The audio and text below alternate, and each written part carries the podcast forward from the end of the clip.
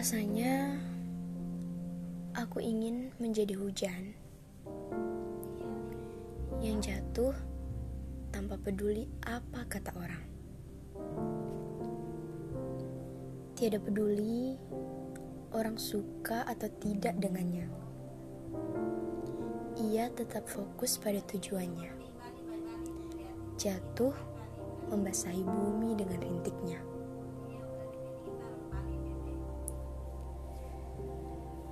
Aku tetap ingin seperti hujan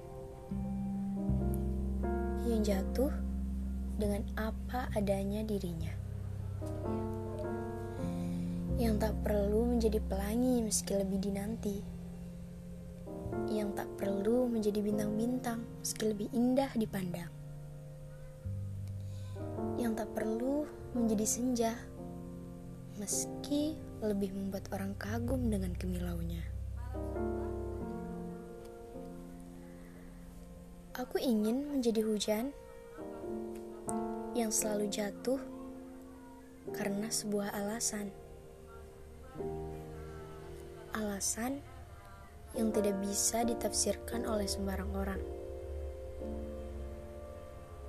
Dan mereka yang tak menyukai kehadirannya kadang lupa bahwa hujan datang membawa kebahagiaan bagi sebagian orang.